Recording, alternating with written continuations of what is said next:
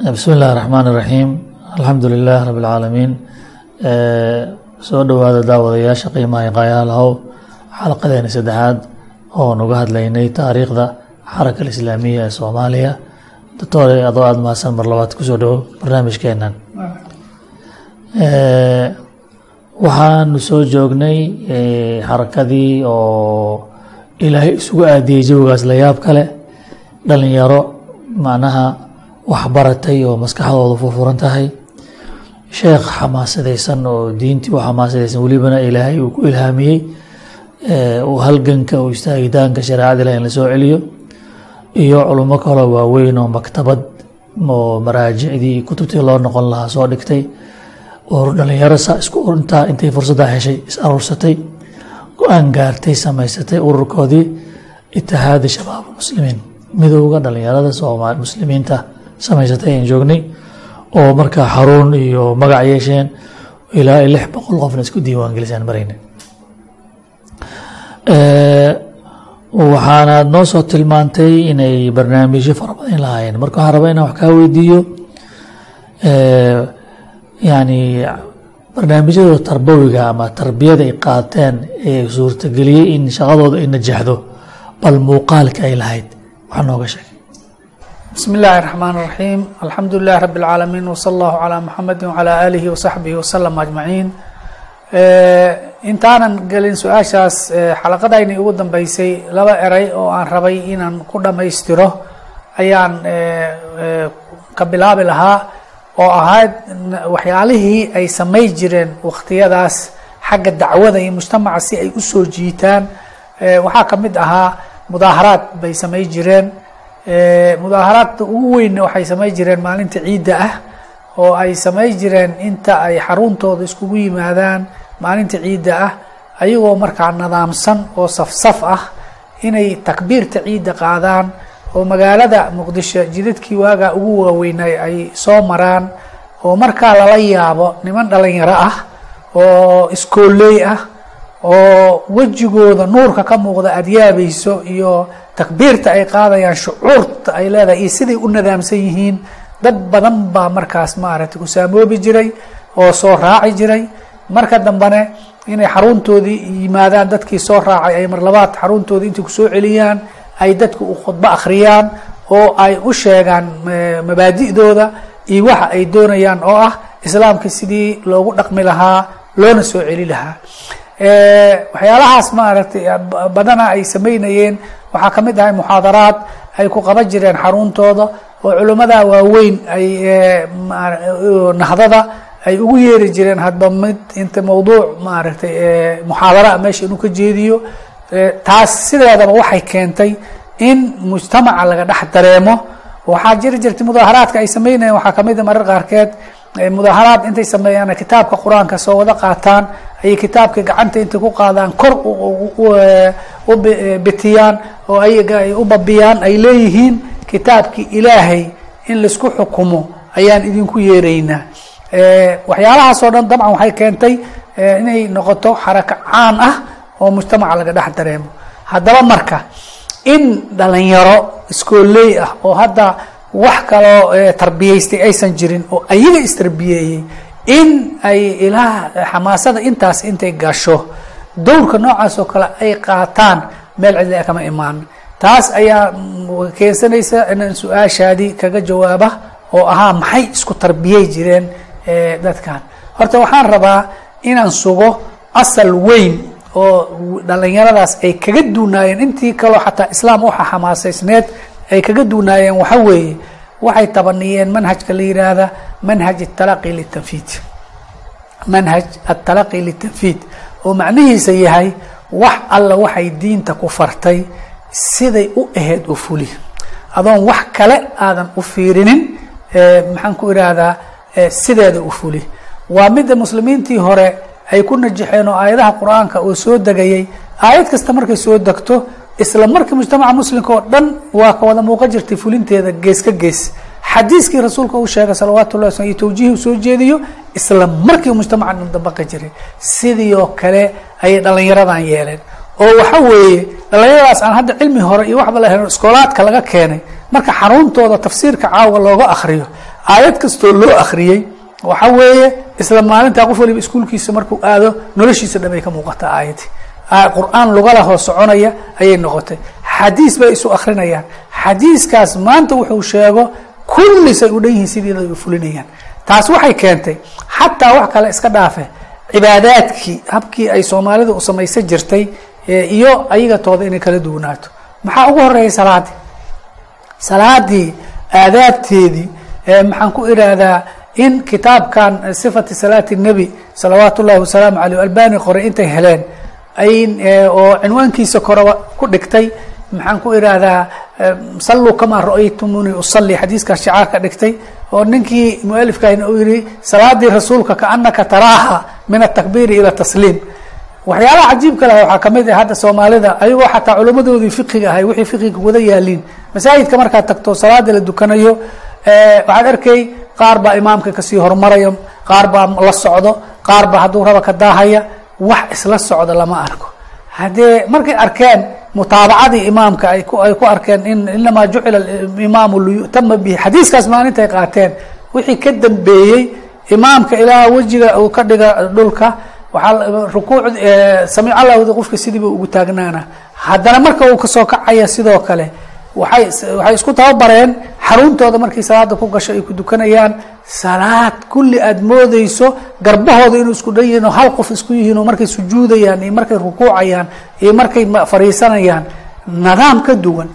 Hadda aan arki jirno aada iyo aad aan waagaas annaga markaan soo gaarnay nagula tarbiyey waxay aheeday inaan masaajid haddaad soo gasho oo aad aragto wiil dhalinyaro ah oo dukanaya isla markaas waxaad garan jirtay inuu wiilkaas ka tirsan yahay dhalinyaradii islaamka u kacday oo xaraka alislaamiya iyo in kale salaadiisaad ka garan jirtay.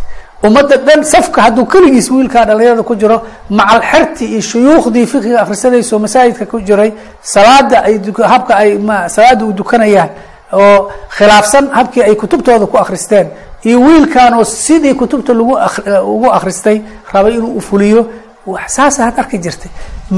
Macnaheedana marka waxaa waa salaad kaligeed ma ahe aadaabtii islaamka oo dhan sunadii rasuulka salawaatu ullahi waslamu aleyh shay kasta oo sunadii rasuulka waa la yihahda sideeda loo fulinaa. Tayaamun ay ku arkeen kaana yucjibuhu tayamunu fi shanihi kulih rasuulka ay ku arkeen. Hadduu fii tarajulihi wa tanaculihi marka la shalaysanaa midigta in laga bilaabo. Kab haddii la gashanayaa maaragtay midigta in laga bilaabo. Litakun ilyumna awalahumaa tuncal wa aakhiruhumaa tuqlac canha lkuf siday u aheed baa loo fulinayaa wax kale haddee ma wada faahfaahi karno laakiin nusuustii islaamka oo sideeda loo fuliyo ayaa ka dhalatay. Doctor adigoo sii wadan doona waa wax cajiiba oo aniga nafteyda markii aan soo gaaray oo dhallinyaradaasi iyo dacwadoodii aan soo haleelay saameynta weyn ay taabatay salaadaasi ahayd. Waxaan aada isu weydiin jiray masaajidka.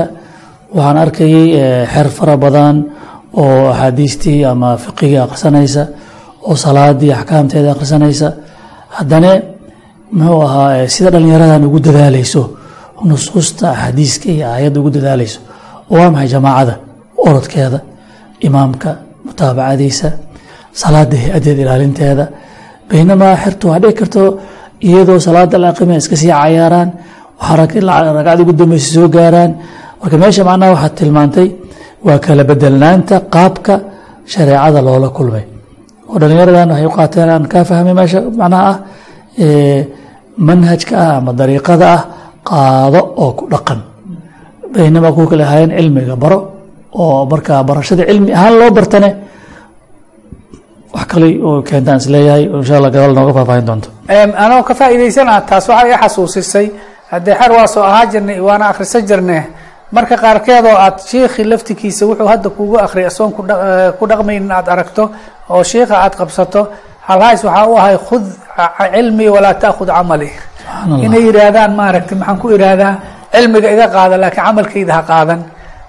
Dhallinyaradan waxaan ugu imaanay cilmi iyo camal isla socda oo aan kala go'aynin haddaba marka maxaan ku idhaahdaa arrintaasi waxyaalaha badan oo ke islaamkaba inuu nuxur yeesho oo qiimo agtooda ka yeesha waxaa keenay qodobkaas ay ahayd. Waxaa kaloo ka muuqatay macnaha warka xagga cibaadaadka xagga ku adkaanta axaadiista aadka ulinteeda inay ku jireen jaanib yani jawigooda caalam ruuxaani ah inay ku jireen macnaha. Marka ruuxaaniyadaas oo bolma iftiimin kartaa?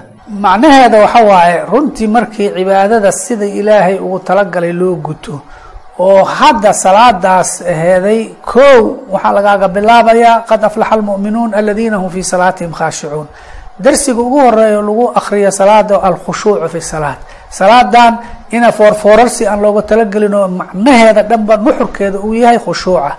Markii qur'aanka lagu tadaburay oo salaadii lagu khushuucay oo adkaartii loo akhristay si dhedhan leh oo waxaas ilaahay aad ku ammaanayso dikrigaasa macnihii lala socday. Ducadii ay yeelatay waxaas alla aad ka baryayay qalbi laahin ah. Inaanan qalbi iska mashquulsan inaadan alla ku barin waxa aad alla ka baryaysa aada la noolaato. Waxaa la dhihi karaa waagaas waxaa la galay caalam ruuxaani ah. Oo macnaha qofkan sideedaba qalbigiisi oo dhan maa alla ku xirmay caalamkan oo dhan waxaad moodaa marku salaada galo inuu iloobay caalamkan uu ku dhex jiro o dhan. Adkaarta markuu akhrisanaya iyo markuu ducaysanaya xataa hareerihiisa wax joogo inuusan dareemin ayaa dhici jirtay. waa gartay tarbiyadaas ruuxaadaas leh iyo qaado oo ku dhaqantale marka maxaa asal u ah? Tiirarkii cuskana tarbiyadaas may ahayd waxaa asal u aheedoo ugu horeysay nimankaa waxbarashadooda istarbiyeyntooda o dhan asal waxay ka dhigteen alqur'aani alkariim qofka markuu yimaadaba qur'aanka akhriskiisa iyo ku tadaburkiisa iyo ku dhaqankiisa ayaa kow looga bilaabaya marka waxaa keenay iimaanka jiilkii hore oo saxaabada wixii tarbiyey oo lagu tarbiyey qur'aanka ahaa ayagana macnahaasay shicaar ka dhigteen in qur'aanka ay isku tarbiyayaan. Horta waa tan ugu weyn ka biyo cabidda qur'aanka oo weliba lagu dhaqmaya laguna tadaburaya midda kale siiradii ayay aada u daraasay jireen maxaa yeelay islaamka maanta afar iyo toban qarni iyadoo la joogo ayay dhalinyarahan soo kaceen oo islaamkii magaciisina uu joogo ku dhaqankiisana uusan aalin. Isla markiia go'aan waxay ku gaareen haddaan rabno islaamkan xaqiiqdiisa inaan fahamno khayru lquruuni qarni uma aladiina yalunahum uma aladiina yalunahum uu rasuulka yiraye aan siiradii rasuulka u noqono salafi saalix. Say islaamka ugu dhaqmi jireen. Inta quruuntii hore uu rasuulku u qiray inay kuwa ugu fadli badan yihiin ayaga aan ku dayano saa darteeda taariikhdii islaamka khaasatan siiradii iyo khulafaa raashidiinka iyo intii islaamka islaam nuxurle u ahaa ayay si fiican u daraasay jireen. Waa qodobka labaad. Midda kale fiqhi lwaaqic waxaa la yidhaahdo oo ah nolosha maanta casriga ay ku nool yihiin ummaddan maxaa ka hadlaysan maxaa u saxsan islaamkii xaggee mara inay si fiican u daraaseeyaan oo dad la nool casrigooda waxaa jira na yaqaana iskuna dayaya islaamkii maanta haddaan raba inaan ku dhaqmo. Fiqhi lwaaqica waxaa loo jeedaa anigoo qarnigii labaatanaad joogo oo wiil dhalinyaro ah oo mutacalim ah. Markaan raba islaamkii siduu u ahaa inaan u qaato dhaqankayda see ku soo baxaya seensa nusuusta u dhaqangelinaya fiqhi ayaa qodob weyn u ahaa. Waxaase lagu soo wada duubi karaa kulligeed. Waxa weeye caqiidada marka hore aan iska dhisno ayaa u badneeday oo ahaa inay maaragtay horta bal allo qalbigayna ha ku weynaadaa laa ilaaha ila allah oo af laga yidhaahda yaysan noqonin sida culimmada tawxiidkaba ay ku sheegeen nafyan wa ihbaat wax alla wixii alla ka soo harayna qalbigayna aan ka tuurno culays iisan nagu haynin alla keligiisna aan ilaah ka dhigano macnahaas ayaa aada ugu weynaaday. Waxaa la dhihi karaa baab weyn oo waxaa noo furmay la yidhaahda almucaayasha maca xaqiiqati luluhiya doctor aada waa mahadsan tahay? Meeshaa ma ka fahmi karnaa bilowgay dhallinyaradaasi ka bilaabeen inay ilaahay toos warkiisa ula kulmaan. Macnaa kalaamullaahi toos ula kulmaan. Oo halka dadkii kaleeto ama islaamkii taqliidiga in saxa tacbiir ay soomaali ku dhaqmaysay oo ahaa habkay ilmaha marka hore qur'aanka xifdigiisa la barayaa kabacdi hadhow waxaa loo jeedinayaa naxwadaa loo jeedinaya ama fiqiha lagalaya kalaam bashar oo hadhow markaas ka bacdi xeeladii waxa laga qaadanayo lakiin leeraan saa intay ka leexdeen toos qur'aanka u aadeen oo kalaamka ilaahay la kulankiisa aadeen. Ruuxdaas yani soo lama dhihi karo tan macnaha aad iyo aadka nuqdo taxawulka weyn samaysay macnaha waxaa abuuray maarta. Waxaa taas runtii mithaal u ah qodobkii hadda aan ku istaagayo ahaa alla in lala noolaado cadamadiisa iyo jalaalkiisa iyo heybadiisa qofka qalbigiisa inta aada ugu weynaato qof allahaas ka dambeyntiisa u jajaban uu noqdo. Waxyaalihii ugu macaanaa oo duruusta ugu macaan ay qaadan jireen ayna aada u dhadhansan jireen waxaa ka mid ahaa asmaa illahi alxusna ilaahay subxaanahu waan duba watacaala su'aashaan aan ku weydiiyaan rabay. Ah. macnaha eh, sax weeye. Qur'aanka ilaaha soo dejiyey waa ilahay hadalkiisa. Eh, in towxiidka iyo xaqiiqada ilaahnimo la barto wax aada iyo aada u weyn ahayd. Marka eh, bal arintaas iyada maaragtay xaqiiqada uluhiyada ama eh, iimaankaas. Yani aad ku tiri qaabkeeba ula noolaateen sidee baad macnaha aada nuxurka mawduuca u hesheen waa sidaad u dhigtay weeye qaabka loola noolaayay waxa weeye horta as- a- allahu jala jalaaluhu cadamadiisa iyo weynigiisa in laga barta min khilaali asmaa'ihi اlxusnaa wa sifaatihi اlculaa Eh, asmaada ilaahay isim kastaba markaad alla caabud adiga oo isimkan xaqiisa siinaya caalam dhan baa kuu furmaya oo alla cadamadiisa qalbigaada uu ku weynaanaya adigana addoonnimadaada ay aada kugu soo baxayso. Sidoo kale sifaatka ilaahay subxaanahu wa tacaala dhinacaas markii alla qalbigooda ku weynaaday waxaa ka dhalatay arrin ah sida ibnu qayim uu ku tilmaamo kala tacdiimi alnahyi waalamri waxay ka dhalataa tacdiimi alaamiri waannaahi allaha wax ku faraya waxna kaa reebaya hadba siduu qalbigaada ugu weyn yahay ayay noqonaysaa amarka uu ku siinay inuu kula weynaado oodan marna fududaysanin sidaasoo kale wixii uu kaa reebo inay aad kula weynaato wax marna aadan ku dhici karin ay u noqoto hadba waxay ku xihan tahay allaha ku faray ama kaa reebay siduu qalbigaada ugu weyn yahay. Duruusta noocaas ah ayaa asalka tarbiyadii laga dhigay. Taasi waxay keentay in qofkaana adoon u jajabsan rabbigiisa dhaahiran wa baatinan un xubnihiisana ishiisa inaysan waxun fiirinin ee maarata dhegtiisa waxun inaysan wax ku dhegaysan lugtiisa meel xun inaysan u soconin gacantiisa wuxuusan alla raalli ka ahayn inaysan u dhaqaaqin oo daahirka ah. Iyo qalbigiisi waxaan alla iyo xuskiisa iyo weyneyntiisa iyo maxabadiisa aysan ahayn inaysan qalbigiisa ku soo dhicin. Saa darteeda waxaa la dhihi karaa addoonnimo muuqata ayaa ka muuqatay.